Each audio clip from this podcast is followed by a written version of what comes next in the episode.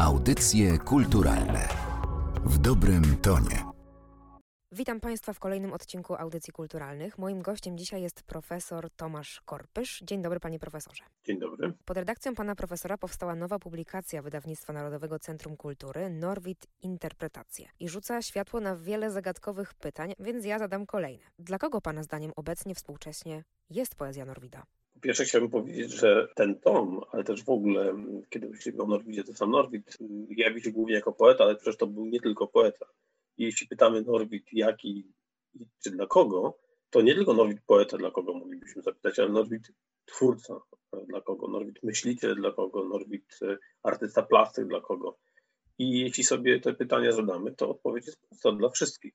Wydaje mi się, że Norwid jest twórcą niezwykle, niezwykle aktualnym. I nie chodzi tu o jakieś takie doraźne aktualizacje polityczne czy społeczne.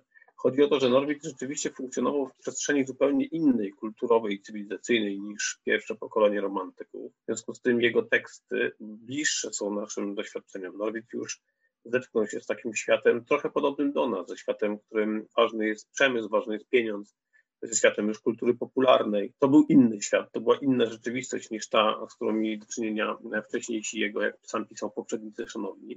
W związku z tym jego obserwacje, jego sposoby postrzegania świata, wartościowania świata, ale właśnie także jego obserwacje o rzeczywistości, o Polsce, o Polakach, o Europejczykach, o świecie, o sztuce, o literaturze, prawdzie, o kłamstwie i tak dalej, są niezwykle, niezwykle aktualne. Więc na pytanie, dla kogo jest Norwid dzisiaj, Norwid poeta, ale Norwid w ogóle, powiem dla wszystkich.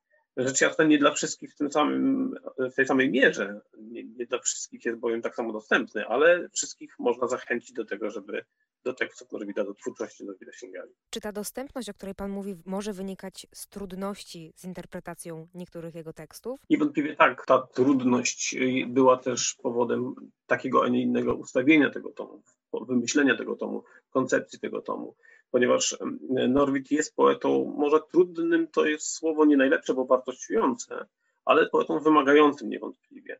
On stawia opór dzisiejszym czytelnikom, a raczej jego teksty stawiają opór z kilku przyczyn. Niektóre są zupełnie naturalne i obiektywne. Po prostu czas, który upłynął od czasu, kiedy Norwid tworzył, sprawił, że polszczyzna bardzo się zmieniła. I nawet wydawałoby się proste słowa mogą zaskakiwać czytelnika, mogą go też zwodzić, dlatego że brzmią tak samo jak dzisiaj używane co innego w XIX wieku. Ale to jest taka obiektywna przeszkoda, z którą można sobie jakoś poradzić w miarę łatwo, sięgając choćby do, do słowników z epoki. Natomiast Norwid stawia opór, czy teksty Norwida stawiają opór, także dlatego, że jest to poeta wymagający intelektualnie, że jest to poeta zanurzony w kulturze, jest to poeta zanurzony w tradycji. Bardzo wiele jego tekstów to są teksty, które dialogują z innymi dziełami kultury, nie tylko z tekstami, ale właśnie także z obrazami, dziełami sztuki. To są także takie sytuacje, kiedy Norwid bardzo żywo reaguje na to, co się wokół niego dzieje w świecie, na różne wydarzenia historyczne, społeczne i bez tego zaplecza kulturowego nie jesteśmy w stanie go dobrze zrozumieć. Oczywiście tu może paść pytanie, co to znaczy dobrze zrozumieć i w ogóle pytanie o interpretację, bo jak wiadomo, szkół interpretacji jest wiele i nie wszystkie mają za cel zrozumienie tekstu zgodnego z intencją autora, ale akurat mnie jest ta szkoła bliska i wydaje mi się, że wówczas ten typ lektury Norwida jest tym bardziej wymagający, bo jeśli nie mamy takiego zaplecza kulturowego, językowego, historycznego, to wiele jego tekstów rzeczywiście będzie dla nas hermetycznych. Pan już o tym wspomniał, że Norwid trochę jest artystą na miarę współczesności. On też często jest określany przez norwidologów jako artysta i poeta dopiero dla ludzi XX i XXI wieku. I chciałabym zapytać, czy w kontekście tego myśli pan, że brak zrozumienia w jego ówczesnych czasach, kiedy tworzył, może z tego wynikać, że po prostu był niezrozumiały? To jest trudniejszy trochę problem. Rzeczywiście Norwid sam o sobie zresztą pisał, że mm, dzisiejszej Polski obywatelem nie jestem, tylko trochę przeszłej dużo przyszłej pytanie, czy to już jest ta przyszła Polska, nasza dzisiejsza, której obywatelem Norwid chciał być i, i się widział. Ale musimy pamiętać, że Norwid zaczynał jako poeta bardzo, bardzo uznany, o tym się ciągle zapomina. Tymczasem on w czasach młodzieńczych, w czasach, kiedy żył jeszcze w Warszawie, był uznawany za najlepszego poetę swojego pokolenia. Był drukowany w prasie warszawskiej, miał znakomite recenzje, wyjeżdżał z Polski przecież w aurze znakomitego poety, żegnany wierszami w stylu Orle Norwidzie, wiek twój idzie to był taki czas, kiedy poeta był niezwykle popularny, niezwykle ceniony, ale też dlatego, że jego wczesne wiersze są bliskie temu, czego oczekiwali wcześniej odbiorcy. Powiedziałbym takie tradycyjne wiersze. Im dłużej Norwid przebywał na emigracji, im bardziej mm, nasiąkał też e, tą kulturą europejską, zachodnioeuropejską, różnymi kulturami właściwie, bo podróżował po, po Europie i po świecie, tym bardziej szukał innego języka i ten język znajdował. Także świadomie go wybierał, że Norwid był w sytuacji bardzo trudnej, musiał się jakoś określić wobec poprzedników, wobec Mickiewicza, Słowackiego czy Krasińskiego. I miał do wyboru kilka możliwości. Mógł pójść ich drogą, czyli zostać epigonem. Pewnie wówczas byłby czytany i zrozumiany lepiej. Mógł się całkowicie im przeciwstawić, odrzucić tę tradycję, a mógł wybrać, e, mnie się wydaje, że on wybrał taką właśnie trochę trzecią drogę, to znaczy z jednej strony doceniał poprzedników, ale z drugiej strony próbował znaleźć inny język, trochę łączący to, co w nich, ale też język, który mm, będzie własnym jego takim duktem poetyckim. To niewątpliwie było trudne dla odbiorców, przyzwyczajonych do innego typu literatury, do innego typu także tematów. No, sam o tym pisał wielokrotnie, że właśnie poezja, która oczekuje tematów pięknych, e, oczekuje tematów wysokich, to nie jest prawdziwa poezja. Prawdziwa poezja ma odpowiadać także temu, co się dzieje tu i teraz, życiu po prostu. Ja to, co śpiewam, żyję i boleję, pisał Norwid to życie, jego rzeczywiste życie, doświadczanie rzeczywistości przelewało się później w teksty literackie. I to też było dla odbiorców trudne. Trudny był też język, bo Norwid e, świadomie od pewnego momentu zaczął ten język komplikować. Może nie tyle komplikować świadomie, żeby, po to, żeby był on skomplikowany, tylko szukać do odpowiednich środków wyrazu. To znane zdanie, odpowiednie dać rzeczy słowo dobrze to pokazuje. Norwid z jednej strony archaizował, szukał starych słów, odgrzebywał je, odświeżał, z drugiej strony tworzył wiele neologizmów, wielokrotnie grał na znaczeniach, a więc bawił się, może bawił się to złe słowo, ale grał właśnie znaczeniami słów, odświeżał je, tworzył nowe zupełnie, projektował nowe słowa i nowe ich znaczenia. To wszystko niewątpliwie stawiało opór. Myślę też, że o, tym też nie, nie, nie wolno zapominać, że Norwid był też y, osobowością niełatwą. Znaczy był niewątpliwym geniuszem, który wiedział o swoim geniuszu, jednocześnie osobowością trudną w takich bliskich kontaktach, bo bardzo y, radykalną w poglądach, wierną swoim e, przekonaniom, nie bojącą się przeciwstawiać wszystkim wokół, jeżeli oni tym przekonaniom z kolei nie chcieli e, jakoś przyklasnąć. W związku z tym też to było istotnym aspektem, który sprawił, że Nowik był odrzucany. Taka czarna legenda, która się już za życia wokół niego zaczęła kręcić. Te negatywne opinie, które wokół niego funkcjonowały w środowisku emigracyjnym, które chociażby E, Zygmunt Krasiński w pewnym momencie zaczął, zaczął e, formułować, była to ważna postać. Ci krytycy, którzy dość niepochlebnie, bardzo szybko zaczęli pisać o jego tekstach, to sprawiło, że e, Nowy był w sytuacji o tyle trudniejszej, że niemal na starcie, już później, w późniejszym okresie twórczości, był skazany na, na porażkę, ponieważ czytano go już z negatywnym nastawieniem, już z negatywnym nastawieniem do niego, do niego mm, podchodzono. I jeszcze jedna rzecz, o której też się mało pamięta. Norwid był tak oceniany, jak był oceniany, ponieważ jego teksty bardzo słabo funkcjonowały w przestrzeni czytelniczej. W sumie niedużo drukował, te teksty nie miały odbioru. Jedyny jego duży tom przecież poetycki, wydany w 1863 roku znakomitego wydawcy Brookhausa, wyszedł właśnie tuż przed wybuchem powstania styczniowego, więc zupełnie minął bez echa. To sprawiło, że Norwid był znany niewielkiej grupie ludzi z niewielu tekstów. Gdyby czytelnicy znali go lepiej, może by to odbił niezrozumienia minęło. Czy tak by było? Nie wiemy. No, dzisiaj, kiedy mamy dostęp do większej liczby tekstów, zupełnie inaczej oceniamy Norwida, bo oczywiście są wśród jego tekstów teksty genialne, ale są też teksty słabsze i trudniejsze w odbiorze. Profesor y, Stefan Sawicki, literaturoznawca, powiedział w jednym ze swoich tekstów, napisał w jednym ze swoich tekstów, że Norwid był trochę takim pośrednikiem pomiędzy tym, co człowieka, a tym, co boskie. I, I, chciałabym pana zapytać, jaki był w ogóle jego stosunek właśnie do, do bytu ludzkiego, ale też do zbiorowości, do narodu? Był, e, jak to kiedyś Sawicki napisał, poetą człowieczeństwa. On e, wyraźnie stawiał w centrum swojej refleksji, swojego myślenia, także swojej twórczości oczywiście właśnie człowieka.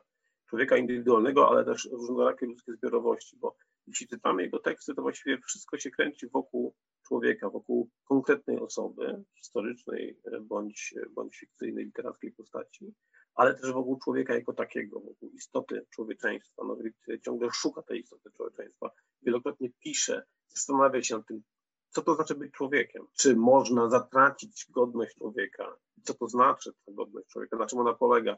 On nieustannie upominał się właśnie przede wszystkim o to, że człowiek powinien być szanowany przez drugiego człowieka. Pisze w jednym z listów taką gorzką refleksję. Nieuszanowanie człowieka jest to czysto ludzki wynalazek. Paradoks też językowy, charakterystyczny dla poety. Nieuszanowanie człowieka jest czysto ludzki wynalazek, bo człowiek przez Boga był, zdaniem Norwida, szanowany. Bóg szanuje ludzką wolność chociażby. Dla Norwida był, był ważny ten sakralny początek istnienia człowieka, a z drugiej strony poeta był niezwykle wyczulony na to, co złego w świecie, na, na to, co złego w człowieku może nie tyle w samym człowieku, ile w jego działaniu, w jego słowach, w jego postępowaniu, ale także w jego zaniechaniach, w jego marazmie, w jego apatii. I e, nieustannie prześwietla właśnie istotę człowieczeństwa. W wierszu Sphinx pisze taką charakterystyczną dla siebie quasi definicję człowieczeństwa, że człowiek jest to kapłan bezwiedny i niedojrzały. To jest jeden strony kapłan oczywiście rozumiany tak biblijnie, jako ten pośrednik między sakrum a profanum, a z drugiej strony kapłan bezwiedny, czyli niewiedzący o tym, że jest kapłanem, kapłanem jakby niedorastający do tej, do tej e, roli, bo nie dojrzały jeszcze do niej. Życie ludzkie, zdaniem Norwida, to jest właśnie taki proces nieustannego dojrzewania do, tej, do tego przyrodzonego kapłaństwa, do tej wielkiej, sakralnej sfery, która w człowieku funkcjonuje. Jeśli chodzi o zbiorowości, to Norwid też bardzo e, dużo miejsca i dużo uwagi poświęcał różnym zbiorowościom, narodom, społeczeństwom, różnym grupom ludzkim też e, tutaj charakterystyczna dla niego taka e, chęć nie tylko ich obejrzenia dokładnego i opisania, ale także oceny, zwłaszcza moralnej. To pokazuje bardzo wyraźnie, że wartości, zwłaszcza wartości sakralne, ale też takie wartości jak prawda czy piękno, były niezwykle istotne w ocenie nie tylko pojedynczych ludzi i ich działań, ale także właśnie, tak, także właśnie zbiorowości. Norwid też bez wątpienia był e, artystą wszechstronnym, tak jak też pan już wspomniał i świadczy o tym chociażby to, że na rynku wydawniczym ostatnio, w ostatnich latach pojawiło się bardzo dużo publikacji, które jakoś zbierają jego też twórczość rysunkową, albo chociażby jedna z nowszych wystaw Narodowego Centrum Kultury, która właśnie jest poświęcona rysunkom i tam pojawiają się autoportrety, więc moje pytanie brzmi, jak Norwid w ogóle odbierał sam siebie? Na to pytanie nikt nie umie odpowiedzieć oczywiście. Nie da się na to pytanie odpowiedzieć e, w, w sposób pewny, dlatego że nie wiemy, jak odbierał sam siebie. Natomiast oczywiście bardzo często siebie rysował, to prawda. Bardzo często także e, o sobie pisał i e, identyfikował się w różnorakich rolach. Identyfikował się jako, jako człowiek, jako Polak, jako chrześcijanin, jako, jako artysta przede wszystkim. Trudno mi wchodzić w takie dywagacje trochę psychologizujące, ale myślę, że Norwid niewątpliwie miał poczucie tego, że jest utalentowany, jest obdarzony talentem, ale jest, jest obdarzony w związku z tym pewnymi zobowiązaniami. On bardzo mocno podchodził do tego, że ten, komu wiele dano, musi też wiele dawać innym i miał takie poczucie obowiązku wobec wspólnoty narodowej, społecznej, chrześcijańskiej, wszelkiej innej. To bardzo wyraźnie się mm, przejawia w takich jego działaniach mało znanych, zapomnianych, społecznych, powiedziałbym obywatelskich nawet. No i przecież e, mimo tego, że sam już wtedy cierpiał biedę, wielokrotnie uczestniczył w zbiórkach finansowych na rzecz biednych emigrantów, dawał tam swoje prace, organizował jakieś sam zbiórki, projektował różnego typu towarzystwa, przedsięwzięcia, które miały służyć dobru wspólnemu. I bardzo silnie czuł się członkiem tych społeczności, w których się identyfikował, czyli właśnie Polski, ale także później emigracji, także, także chrześcijaństwa, także artystów, także Europejczyków. On w pewnym momencie pisał o sobie jako obywatel rzymski, kiedy się właśnie czuł członkiem tej starej tradycji grecko-rzymskiej, tej cywilizacji. Często też oceniał swoje działania. To ciekawe, że miał taką e, zdolność samooceny, którą, której nie krył, bo każdy z nas ją ma, ale czasem się ją w jego listach, jednak pojawiają się takie, takie charakterystyki krytyczne wobec siebie, wobec swoich problemów e, ze sobą, z twórczością na przykład artystyczną, czy z relacjami z ludźmi a z drugiej strony bardzo mocno powtarza się ten wątek takiej wierności sobie, wierności przyjętej drodze, także artystycznej, wierności przeciwko czasem e, wszystkim. To też bardzo wybrzmiewa w wielu jego tekstach, gdzie Norwida możemy odnaleźć w bohaterach, ale także po prostu w jego listach, gdzie wprost o tym pisze. Robi coś, bo tak uważa, że należy robić, bo tak, tak w jego świecie wartości powinien postępować prawdziwy człowiek, prawdziwy Polak, prawdziwy chrześcijanin, którym on się czuje. Panie profesorze, co w takim razie odnajdziemy w książce? E, sam Norwid wielokrotnie pisał o tym, o, o, sztuce czytania, że czytanie jest sztuką. Czytanie jest sztuką, co więcej, niełatwą, wymagającą różnych umiejętności. To jest bardzo ważny wątek norwidowskiej refleksji, że czytelnik musi współpracować z autorem, ale też e, trzeba wykazać się pewnymi umiejętnościami i wiedzą, żeby dobrze taki tekst zrozumieć. W związku z tym E, że wszyscy mamy świadomość tego, że teksty Norwida czasem bywają trudne, nawet hermetyczne. Z drugiej strony jest on w końcu obecny, choćby w przestrzeni szkolnej.